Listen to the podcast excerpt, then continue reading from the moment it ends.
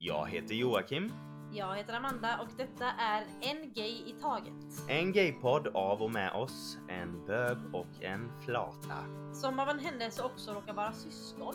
Här diskuterar vi allt som är homosexuellt och mer därtill. Välkomna!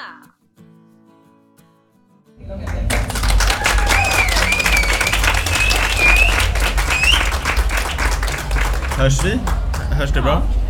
Ja, vilka är vi? Jag tycker att vi hörs bra men det är bara för att jag hör min egen röst. Ja. Eh, vem är du? Joakim heter jag och jag är bror till Amanda. Vi gör podcasten En gay i taget. Yes, eh, Amanda heter jag och jag är bror till Joakim. eh, syster till Joakim. Eh, och också med i En Gay i Taget. Eh, hur gammal är du? Vill du säga Jag är, det? 30, ja, jag är 33 år, Jag är 26 år. skryter. Ja. Eh, Vad ska vi prata om idag? Vi ska prata om, eftersom det här eventet görs i samband med eh, West Pride Ung så kommer vi prata om eh, hur är kulturen hos dagens HBTQI-ungdomar. Yes. Ehm, och jag tänker, idag är ju läget lite annorlunda än för kanske några år sedan när jag var tonåring. Några år sedan. Ja. När jag var tonåring så fanns det till exempel ingen i min skola eh, som vågade vara öppet gay. Eh, I alla fall inte i högstadiet. Vilket jag förstår att ingen vågade för att jag vet vilket helvete jag hade genom att bara folk misstänkte att jag var gay. Vilket de hade rätt men ja. Eh, sen minns jag på gymnasiet så kom en gammal barndomsvän ut någon gång. Ja, jag vet inte om, ja, andra ring kanske. Och det blev väldigt mycket snack och inget bra snack. Så att därför var vi lite nyfikna på hur ser det ut idag jämfört med Och för några år det sedan. här när du gick gymnasiet var inte jättelänge sedan så det var ju inte så att det var liksom på, under Nej. eh, depressionen liksom. Det Nej. var ju typ Exakt, exakt. Därför så har vi gjort lite efterforskning på hur det kan se ut i dagens läge. Eh, och vad gör regeringen? Vad gör liksom de som bestämmer om man säger så? Regeringen publicerade en text på sin hemsida den 30 juli 2020 att man har gett Myndigheten för ungdoms och civilsamhällsfrågor i uppdrag att kartlägga just unga hbtq-personers eh, levnadsvillkor. Och det är för att det enligt Folkhälsomyndigheten finns tydliga hälsoskillnader mellan unga hbtqi-personer och unga som inte tillhör den gruppen. Eh, Folkhälsomyndigheten vet alla vilka det är nu efter ett och ett halvt år? Vid det här laget borde ni göra det. Eh, och som vi har nämnt flera gånger tidigare i podden så är det just för att hbtqi-ungdomar i större utsträckning utsätts för fördomar, diskriminering och våld på grund av andras kritiska uppfattningar om deras eh, sexuella läggning och könsidentitet.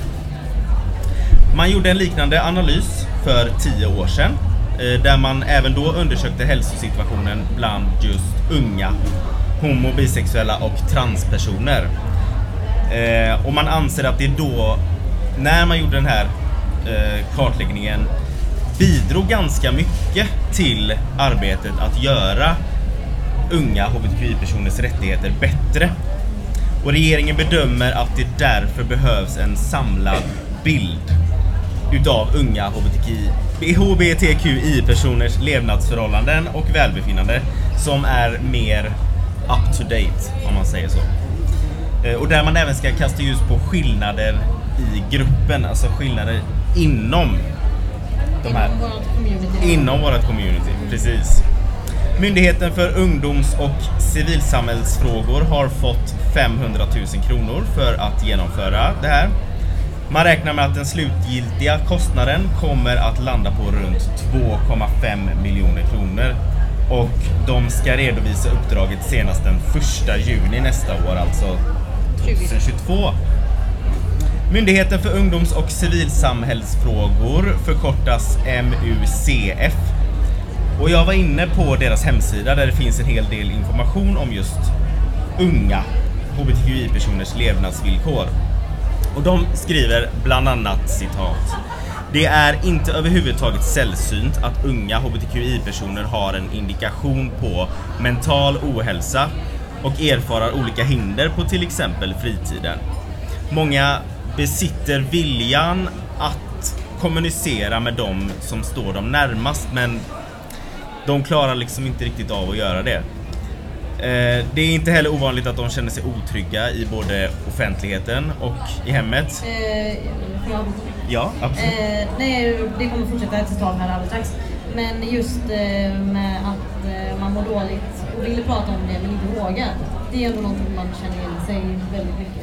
Ja, och jag tror- Man mådde dåligt som, som yngre då innan man hade kommit ut.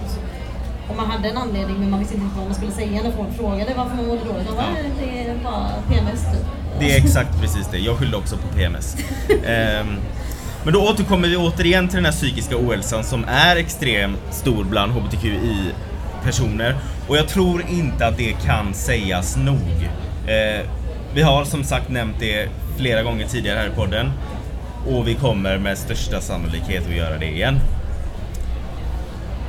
Ungdomar spenderar ju en stor del av sin vakna tid i skolan. Och jag, vet, jag har funderat en hel del på hur skolor hanterar sådana här frågor idag. För jag vet att när jag var ung så var det, det, det existerade inte. Det fanns ingen diskussion om sådana här grejer, vad jag vet. I så fall var jag inte där då.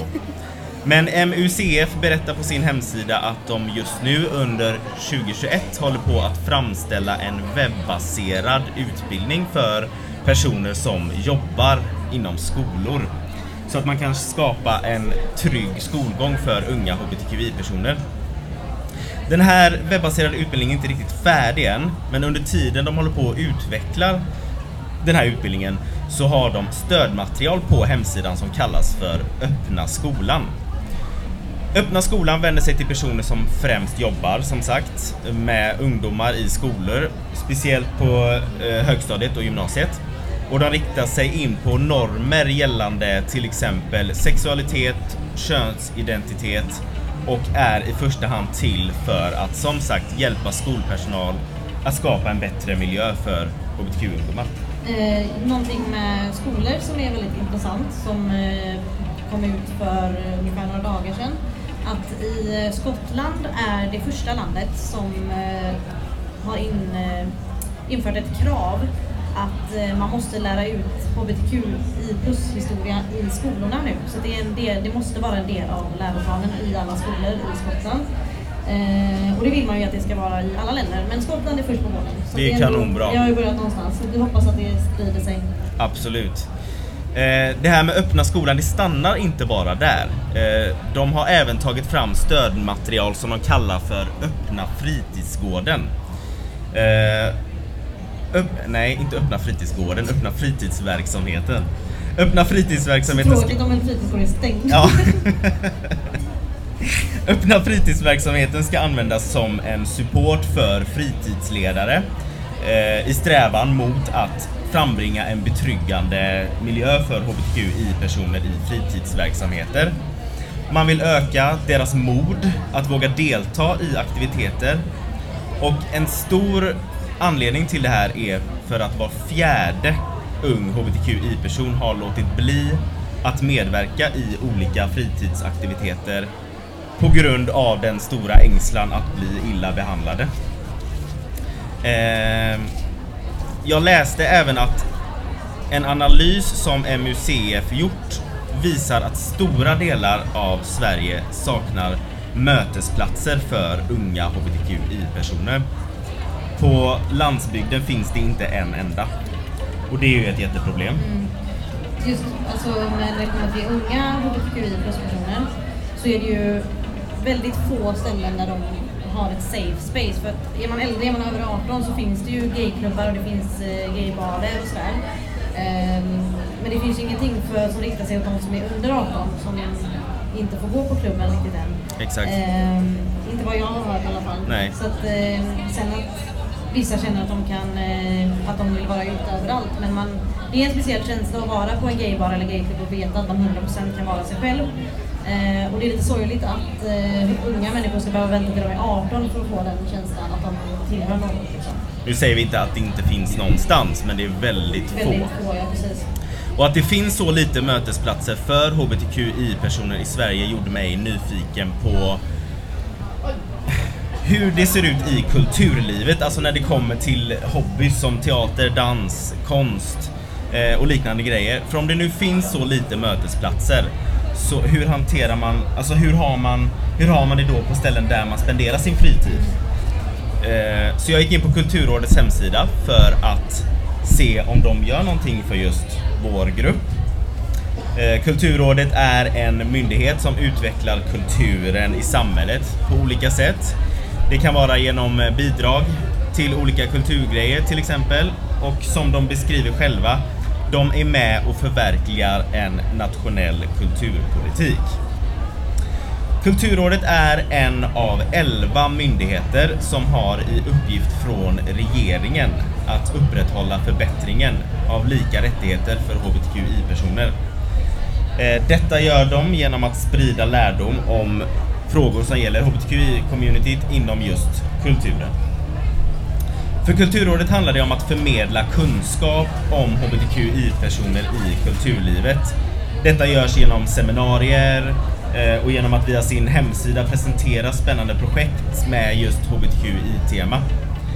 När de går igenom ansökningar till de olika bidrag som de delar ut så är HBTQI-perspektivet ett av flera rättighetsperspektiv som ingår. De har också eh, återkommande möten med andra myndigheter som eh, verkar för HBTQI-personers rättigheter. Såsom RFSL, RFSL Ungdom och FPES som är föreningen eh, för transpersoner. De vill helt enkelt stärka HBTQI-personers rättigheter i kulturlivet och jag tänker att det kan vara bra för många unga att veta om du inte känner dig hemma på din fritidsgård eller liknande ställen. Ehm, Försök skapa dina egna projekt med det i bakhuvudet att Kulturrådet kan ge bidrag. Nu säger jag inte att alla kommer få det men det kan Det vara bra att ha med sig. Ja, precis. Det finns ju väldigt lite siffror om hur svenska ungdomar ställer sig till HBTQI-personer, alltså om du inte är det, hur du ställer dig till, Mm, till, dem, till oss. Eh, och jag har grävt lite i det, frågat mig runt. Och det jag har kommit fram till är att många unga idag påverkas extremt mycket av nordamerikansk tonårskultur. Det är i samband med sociala medier som TikTok och Youtube. Allting är väldigt amerikanskt. Och jag tror att vi alla omedvetet Påverkas. av det. Så hur ser det ut i vad som folk anser vara världens mäktigaste land? Ja, eh, då ska jag ta och snacka skit om USA igen. Nej, eh, men lite, lite skitsnack ska det bli. Eh, för det är lite tråkiga siffror som har kommit från USA de senaste åren. Eh, en undersökning som gjordes visar att eh, unga människor blir mindre toleranta mot HBTQ-individer. Och eh, det känns som en ganska jobbig vändning med tanke på att den här generationen ses som väldigt öppna. Eh, man tänker i alla fall att alla unga nu är väldigt öppensinnade. Ja, man hoppas det i alla fall. Ja, ehm, för eh, många tänker det var bättre förr men för oss var det absolut inte bättre förr. Nej. Ehm, och eh, då står det att antalet amerikaner mellan åldrarna 18 till 34 som trivs med att integrera med HBTQ-personer de minskade från 53% 2017 till 45% 2018. Eh, och det var den enda åldersgruppen som eh, visade en nedgång. Alltså det var bara de eh, unga som visade en nedgång i acceptansen. Eh, denna undersökning gjordes av Accelerating Acceptance-rapporten. Eh, och det totala är en minskning från 63% år 2016. Så att det har gått ner tre år i rad från Herregud. 16 till 18. Eh, och det som överraskade mig ganska mycket är att det faktiskt är unga kvinnors acceptans som är drivande i den nedgången. Då deras övergripande komfortnivåer sjönk från 64% 2017 till 52% 2018. Eh, och det var en undersökning av The Harris Poll som visade detta. Eh, och eh, John Gersima som är VD för det här, The Harris Poll sa till USA Today vi räknar med att unga människor är mer progressiva och toleranta. Dessa siffror är mycket alarmerande och signalerar en hotande social kris inom diskriminering. Eh, och jag, alltså jag kan inte annat än att hålla med. För att eh, Rent spontant så trodde man ju inte det. Nej, att, det var så, att det var sådana skrämmande siffror. mm, man tänker ju liksom att det, börjar, det går ju alltid framåt tänker man i utvecklingen. Ja, men det gör ju inte nej. det. Det går ju upp och ner. Eh, tyvärr. Kolla bara på Polen. Ja, men exakt. Eh, och 36% av ungdomarna sa att, de, eh, att det var obekvämt att lära sig att en familjemedlem var HBTQ och detta var jämfört med 29% 2017. Så Att de att de, att de ja. unga tycker att det är obekvämt att lära få veta att en, eh, en i deras familj är HBTQ, Ja. eh, en HBTQ-person. Eh, och jag tänkte lite själv att en, en faktor till detta kan absolut vara att unga människor är mer vad ska man säga, omringade av sociala medier. Eh, och de liksom kan med andra ord bombarderas av hat på sociala plattformar på ett annat sätt än vad det var när vi var unga. Vi, vi har växt upp med internet men inte på samma sätt. Ehm, och det väcker ju någon sorts rädsla hos många människor och samtidigt som det känns som att det blir en tillå- tillåtelse eh, att bete sig. Liksom. Eh, Ja, ju, speciellt fler, ju fler, ja, exakt, ju Mm. fler människor som beter sig illa, desto mer accepterat blir det. Ja men exakt. Eh, och detta kan ju få en hel del unga sinnen att bli påverkade av vad som är acceptabelt och inte. Med tanke på att unga människor de formas ju fortfarande. Och, eh, ja. Eh, och eh, på grund av sociala medier så har unga människor lättare att komma åt falsk information och kons- konspirationsteorier som vi alla har eh, sett och hört säkert. Samt hat. Speciellt nu i de här ett I de här tiderna, ja precis. Samt hat från anonyma källor. Och detta kan ju definitivt påverka människor negativt om de är omringade av det här hela tiden. Och den amerikanska myndigheten FBI publicerade för några år sedan en statistik som visar en ökning med 17% av de totala hatbrotten 2017.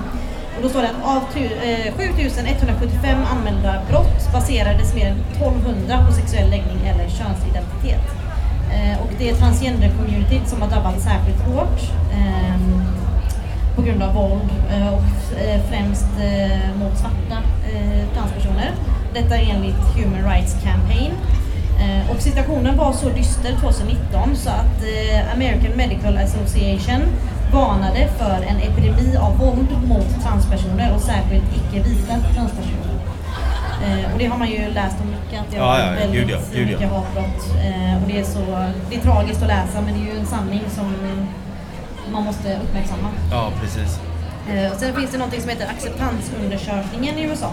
Eh, och den rapporten gjordes för första gången 2014 eh, och då återspeglade den en positiv dynamik för HBTQ-rättigheter under de tre första åren. Men det förändrades 2017 och gick nedåt. Och vad gissar du att det är, Gunnar? Ja, vad hände 2017? Det var byte av president. va? Ja, just det. Januari 2017 så fick de en annan president va? Mm. Yes. Ehm, för er som inte vet så blev ju Donald Trump president i USA i januari 2017. Ehm, och det påverkade ju den här undersökningen så att det gick neråt med acceptansen. Ehm, och jag har sagt detta innan och jag kommer säga det igen och hur många gånger som helst. När, polis, när pol- poliser, politiker som har sjuka åsikter blir valda eller bara får möjlighet att göra sig hörda eller alltså bara så påverkar Får det, en plattform Ja, men får en plattform så påverkar det oss minoriteter något enormt. För när en högt uppsatt person kan stå framför miljontals människor eh, live eller på internet eller vad som helst och sprida lögner och hat så ger det människor som kanske håller med den här personen det ger, det ger dem en annan sorts tillåtelse och mod att tala högt om sitt hat. Ja, yes. Och i många tragiska fall även agera med våld. Ja, Eh, för man, ser ju, man har ju alltid någon man ser upp till och politiker kan absolut vara någon du ser upp till. Och om en politiker får sitta och liksom spy sitt hat sådär så är det ju absolut, eh, känner ju de absolut att det är aktuellt för dem. ja, ja men de känner ju att det är, vadå, våran, eh, våran, eh, vad heter det? Vad heter det, det man är i USA? President! eh, tycker det, så då kan ju vara... Ja, precis, om presidenten kan stå och säga så här, då kan jag stå på en skolgård och säga så här. Exakt. Typ. Ehm, och när siffrorna sjönk för ett par år sedan för unga män så gick GLAD, eh, organisationen i USA, ehm, de gick till där, dit den manliga publiken ofta konsumerar innehåll eh, och det kom de fram till var i tv-spel. Ehm, och då arbetar de tillsammans med tv-spelsbranschen för att introducera olika karaktärer och hjälpa till att forma attityder. Alltså typ att de kan presentera en tv-spelskaraktär som gay eller trans eller så Ja, för att de ska vara pres- presenteras till det i deras egna miljö eller man ska säga. Ja. Eh, och det är ju en ganska smart Ja, ja. approach. Gud, ja. Ehm, och eh, Gersima då, från Harris Poll, han säger att i denna giftiga tid tycks tolerans även bland ungdomar nu analyseras. Ingenting idag ska tas för givet. Och det är så sant, för vi tar ju för givet att, eller många tar ju för givet att ah, men, ni får gifta er så nu är alla rättigheter Ja, ja, ja, ja. Ehm, och tror att det inte kan ändras, men det kan ju absolut gå bakåt. Liksom. Det behöver inte vara att det bara går framåt. Nej, nej, det har vi ju Eh. märkt på flera plan att Ja, det absolut precis. kan gå bakåt. Ja, bakåt, att, bakåt. bakåt. Men eh, för om vi, om vi liksom bara tar för givet att det alltid kommer gå bra för oss, eller att det kommer gå bra för oss framåt, så kommer vi få världens bitchlap när det inte Men jag det. tror inte att, eller jag tror att majoriteten av oss som HBTQI-personer inte tar saker för För givet. givet, nej men precis. För Men vi- många andra har ju den Ja, attityden ja, att- folk runt omkring. Ja, folk som säger men ni behöver inte prideflaggan längre och ni behöver inte fira någonting längre för ni har era rättigheter. Ja, just det. Men tyst med dig. Ja. Ehm, och eh, just det här som Glad gjorde med att eh, introducera olika tv-spelskaraktärer och sånt för att forma attityder.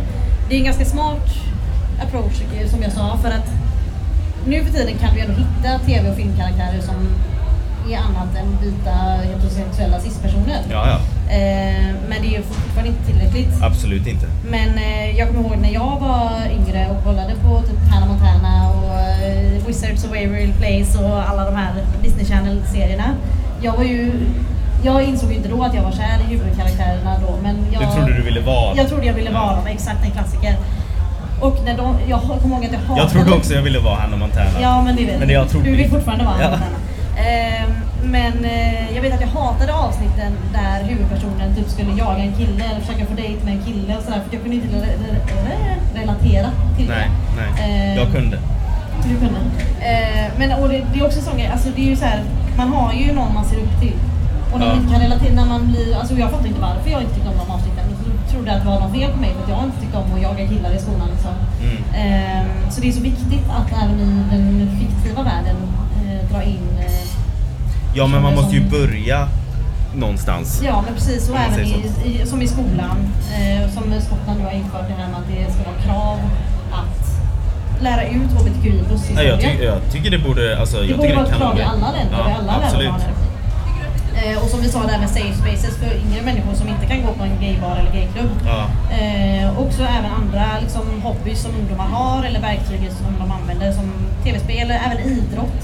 Att Ja, ja. mer idrottsmän och kvinnor vågar komma ut. Mm. Om, eh, alltså, vågar, att de ska ha, känna sig säkra nog att komma ut. ja, för att du kan ju våga men du behöver inte känna dig säker. Nej, och bara behöva vara rädd att din karriär ska liksom, Exakt, det är det jag tror att mycket har att göra med ens karriär. Även för skådisar eller idrotts... eh, Mm. Ja men det har man ju hört så mycket om skådisar som måste fejka vara ihop med någon annan kändis Absolut. för att kunna ha sin karriär. Absolut. Så det är ju inte helt, eh, helt främmande. Jag tänker på det här med just att vara tonåring och eh, gay eller alltså tillhöra HBTQI-communityt på något sätt. Som jag sa i början där, jag, jag hade ju liksom, det fanns ju inget sånt eh, i min närhet, eller ingen som hade kommit ut i alla fall, eh, när jag var tonåring. Men det fanns det ju faktiskt när du var tonåring, för när du var tonåring så hade jag kommit ut. Ja. Hur, om jag säger, för då var ju du liksom, det fanns ju i din närhet då. Mm, mm. Vilket det inte gjorde hos mig. För er som inte vet så kom Joakim ut eh, sju år innan mig. Ja, när 15, han du var 15. Upplevde du på något sätt, hur, alltså, hur var det att vara tonåring och ha en bror som var gay? Eh, alltså jag vet att jag eh, inte brydde mig om att säga det till folk och någon undrade och sådär. Eh, och skämdes inte för att eh, jag någonstans visste att that's me too.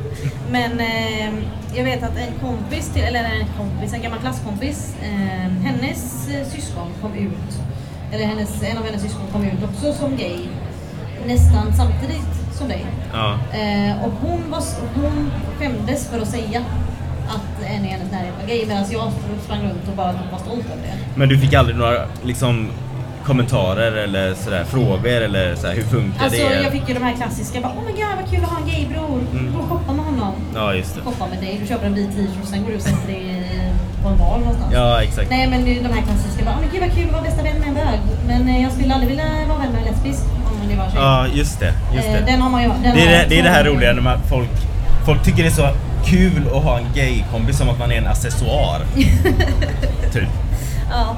Nej men eh, för den hörde jag många gånger av folk eh, nära mig och vänner och gamla vänner och sådär att eh, men jag kan acceptera, om det var, det var tjejer då som sa det här att men jag kan acceptera att eh, jag kan acceptera bögar men eh, jag skulle nog vara lite obekväm eller rädd om någon i min närhet var lesbisk. Men det är ju ungefär samma som när folk säger du får gärna vara gay, jag bryr mig inte så länge du inte stöter på mig. Men det Men, ingen som- varför skulle jag vilja stöta på dig? Ja. Det, ja.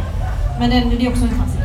Alltså, Ja, ja, ja, ja. Jag tror alla det. har eh, som, som är gay eller... Jo men det är också den här typ tanken att bara för att man är eh, lesbisk då så är man kär i alla tjejer eller om man är bög så är man kär i alla män. Alla heterosexuella är väl inte kär i det Vad enkelt det hade varit om det var så. Ja eller hur, man kan bara kunna gå ut plocka. Ja, det kan man säkert ändå men... Nej inte du. nej. Eh, ja hur går det med ditt singelliv? Eh, vad, vad var vi pratade om eh, kulturen hos unga. Ja just det, du är dum nu. Nej.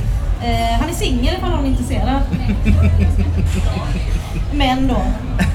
Eh, han är bög också. Fått Om det, ni inte har förstått det hittills. Så är han Ja. bög. Yes. Ehm, ja, vad roligt att det var så många som Det var superkul att ja. sitta här och köta med er. Ja, Eh, med. Ja, det var ju mer- nej, vi har tjötat och ni har stackarna har lyssnat. Hoppas att inte era öron är förstörda. Och att ni har fått lite information. Eller Ja, lärt precis. er någonting. Det kändes som att det var väldigt mycket siffror. Men, Ja, det är eh, därför vi har lite fusklappar här. För att... eh, Jag kan inte räkna till 20 så jag måste ha siffrorna på lappar. För Ja, men det är alla de här procenten och siffrorna och presidenter och allt som man ska komma ihåg. Ja, men exakt. Eh, Jag vill också tillägga att eh, jag fick mina källor från en artikel i USA Today som hette The young are regarded as the most tolerant generation. That's why results of this LGBTQ survey are alarming. Så att eh, det här, den här gjordes ju, den här artikeln skrevs och gjordes 2019 så det är ändå tre år sedan, vad blir det? Två år sedan? Tre år sedan. Ja, det var det här med att räkna igen. Nej, 2021. Två år sedan. Eh, så det, jag vet inte om det går uppåt eller neråt, men eh, det, det svajar. Ja, det svajar. Mm, Det svajar. Jag fick mina källor från regeringens hemsida och Myndigheten för samhälls och civil... oh, Ja. Jag tänkte säga sam- Myndigheten för samhälls, Ja. Och även- och beredskap.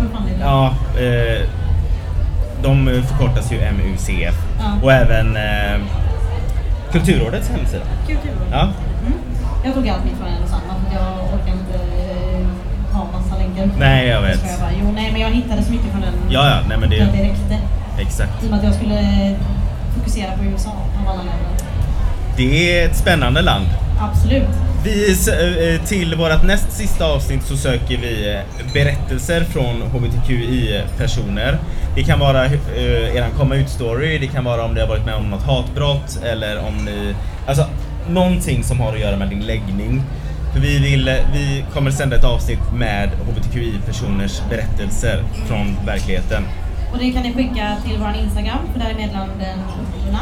Eller så kan ni skicka det till våra mail, det är ngitaget hotmail.com. Yes, vi har fått in några men vi vill ändå ha ett urval Vi att vill ha välja så mycket mellan. som möjligt. Exakt. Eh, Så kommer vi sitta som idoljuryn sen och välja vilken historia är värd att säga. Nej jag skojar bara, vi kommer berätta alla. Ja, så skicka gärna in det. Ja. Och tack så hemskt Tack så mycket jättemycket alla för att ni var här. Tack. Tack!